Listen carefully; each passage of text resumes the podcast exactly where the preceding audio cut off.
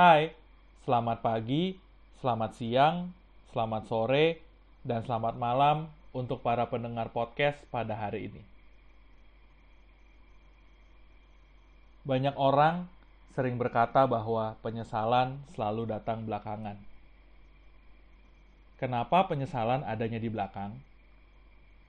Karena biasanya didahului dengan kesempatan yang terlewat, karena ketidaksiapan kita, ataupun respon dan tindakan kita yang salah.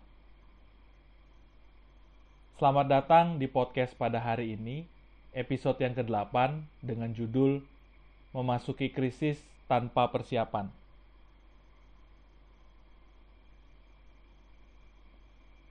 Injil Yohanes, pasalnya yang ke-14, ayatnya yang ke-18, Aku tidak akan meninggalkan kamu sebagai yatim piatu. Aku datang kembali kepadamu. Sekali lagi, saya bacakan buat kita semua. Yohanes 14, ayatnya yang ke-18, Aku tidak akan meninggalkan kamu sebagai yatim piatu. Aku datang kembali kepadamu. Injil Yohanes, pasal yang ke-13 sampai dengan pasal yang ke-17, mengisahkan suasana perjamuan terakhir Tuhan Yesus dan para murid. Pada malam itu, mungkin para murid tidak mengerti, atau belum menangkap, atau belum mengerti secara penuh kenapa Tuhan Yesus memerintahkan para murid untuk saling mengasihi sebagai identitas dari murid Yesus, ataupun mengajarkan para murid tentang rumah Bapa serta mengenalkan Roh Kudus sebagai penghibur yang dijanjikan. Tanpa para murid sadari, Tuhan Yesus sedang mempersiapkan bahwa murid-murid dalam waktu yang tidak lama lagi, Tuhan Yesus tidak akan bersama bersama-sama dengan mereka lagi. Sebelum krisis datang atau sebelum kesukaran datang, Tuhan Yesus telah mempersiapkan para murid-muridnya. Dalam firman Tuhan pada Injil Yohanes pasal yang ke-14 ayat yang ke-18 tadi mempersiapkan para murid bahwa meskipun mereka akan masuk ke dalam masa yang sukar dalam beberapa hari ke depan, tetapi Tuhan sendiri berjanji untuk tidak meninggalkan mereka sebagai yatim piatu yatim piatu pada ayat ini bukanlah hanya berarti tanpa kehadiran seorang ayah ataupun orang tua, tetapi juga berarti kehilangan pemimpin yang menuntun dan mengajar. Dan yang ketiga, yatim piatu dapat juga berarti suatu keadaan tanpa ketenangan dan keamanan karena merasa ditinggalkan dan diabaikan. Saya ulangi sekali lagi, ada tiga arti yatim piatu dari ayat ini. Yang pertama adalah tanpa kehadiran seorang ayah ataupun orang tua. Hal yang kedua, yatim piatu dapat berarti kehilangan pemimpin yang menuntun dan mengajar. Arti yang ketiga dari yatim piatu adalah suatu keadaan tanpa ketenangan dan keamanan karena merasa ditinggalkan dan diabaikan.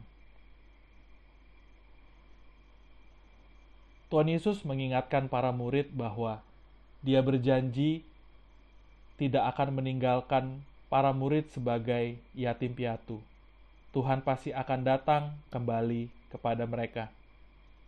Kenapa Tuhan perlu mengingatkan mereka bahwa atau mempersiapkan mereka bahwa Tuhan tidak akan meninggalkan mereka sebagai yatim piatu, bahwa dalam keadaan yang akan terjadi di masa depan, beberapa hari kemudian, bahwa Tuhan Yesus akan ditangkap, diserahkan, dihukum, disalibkan, mengalami kematian, kebangkitan, bahkan kenaikannya ke surga, untuk mempersiapkan tempat bagi kita semua orang yang percaya kepadanya. Para murid perlu diingatkan kembali bahwa dalam ketiadaan Tuhan Yesus secara kasat mata, Tuhan tidak pernah meninggalkan mereka sebagai yatim piatu, bahwa setiap kita, para murid, tidak akan kehilangan figur Tuhan, pribadi Tuhan yang tetap menuntun dan mengajar kita, bahwa dalam keadaan yang sukar, Tuhan menjanjikan sebuah ketenangan, sebuah keamanan, karena Tuhan tidak meninggalkan kita ataupun mengabaikan kita. Sama seperti kepada para murid di perjamuan malam itu, Tuhan Yesus pun mempersiapkan kita untuk menghadapi setiap tantangan yang sedang dan yang akan datang dalam hari-hari kehidupan kita. Setiap firman Tuhan yang hadir dalam kehidupan kita bertujuan untuk mempersiapkan diri kita untuk masuk dalam rencananya lebih lagi. Pertanyaannya, apakah hari ini kita membaca dan merenungkan firman Tuhan? Apakah kita menerima tuntunan suara Tuhan dalam kehidupan kita hari-hari ini? Apakah kita menangkap bahwa Tuhan sedang mempersiapkan kita ketika kita akan memasuki krisis dan kesukaran di depan kita? atau kita seperti para murid yang melewatkan firman Tuhan begitu saja, sehingga ketika krisis dan kesukaran datang, kita menjadi kesulitan mengenali pribadi Tuhan dan jalan-jalan Tuhan dalam kehidupan kita sehari-hari.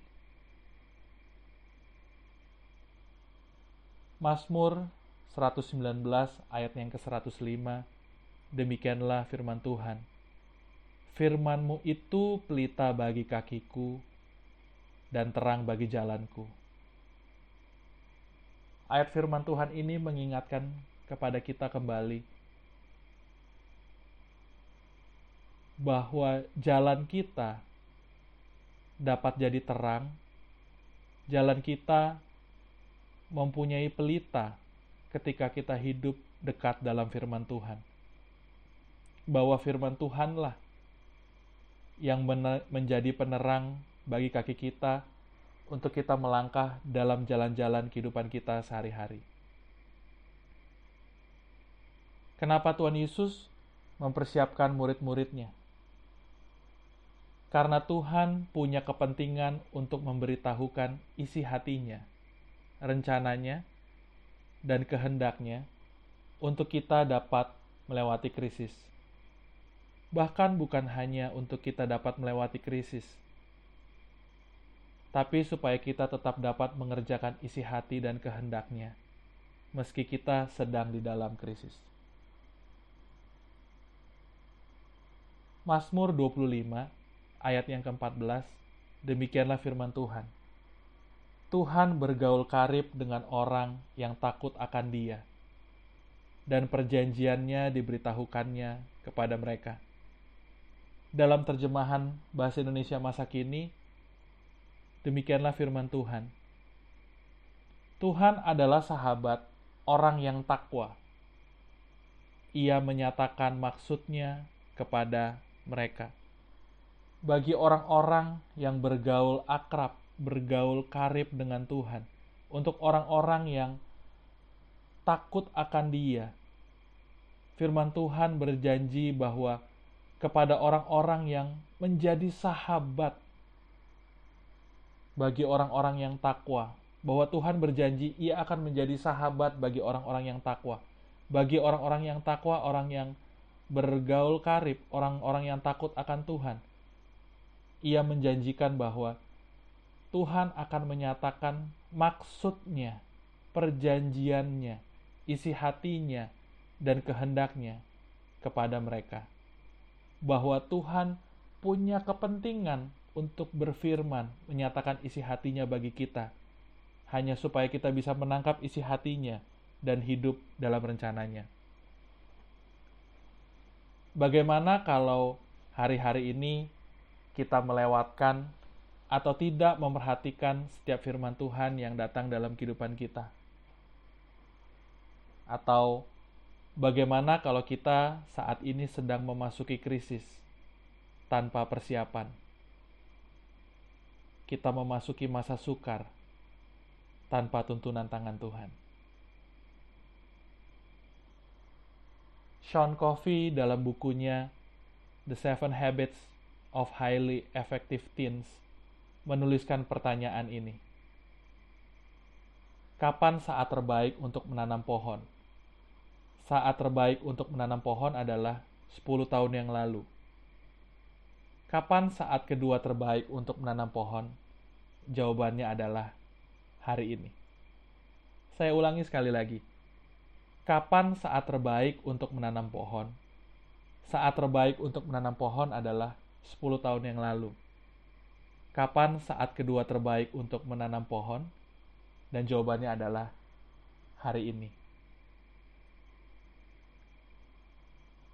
Kalau kita telah melewatkan banyak kesempatan atau banyak hal berharga dalam kehidupan kita, karena selama ini kita tidak siap tidak melakukan persiapan, jangan sekedar tenggelam dalam kesedihan dan penyesalan. Tetapi mulailah membuat perubahan dengan mempersiapkan diri kita untuk meraih masa depan.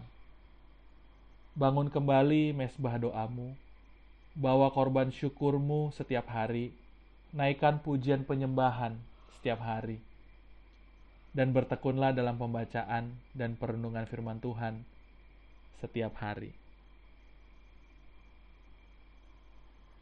Sebelum saya menutup episode ini, mari kita sama-sama berdoa.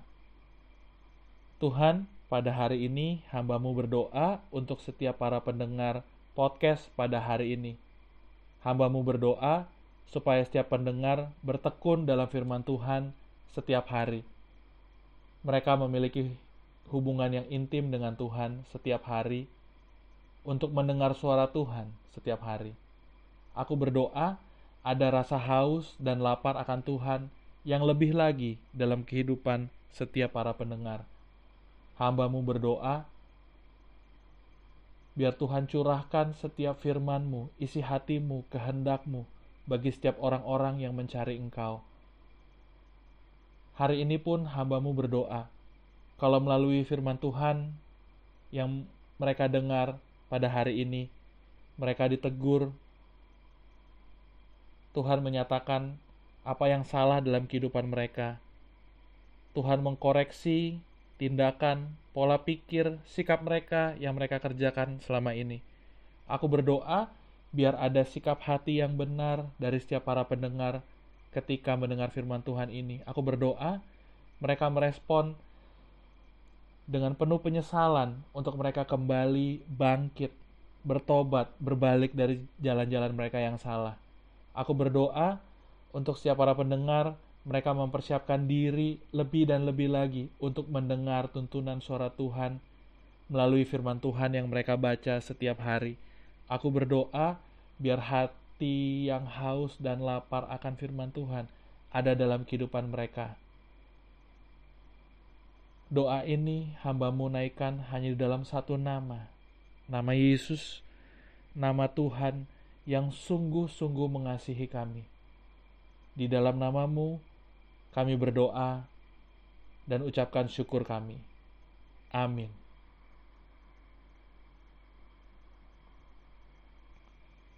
Terima kasih sudah mendengarkan podcast pada hari ini. Sampai jumpa di episode berikutnya. Tuhan Yesus memberkati.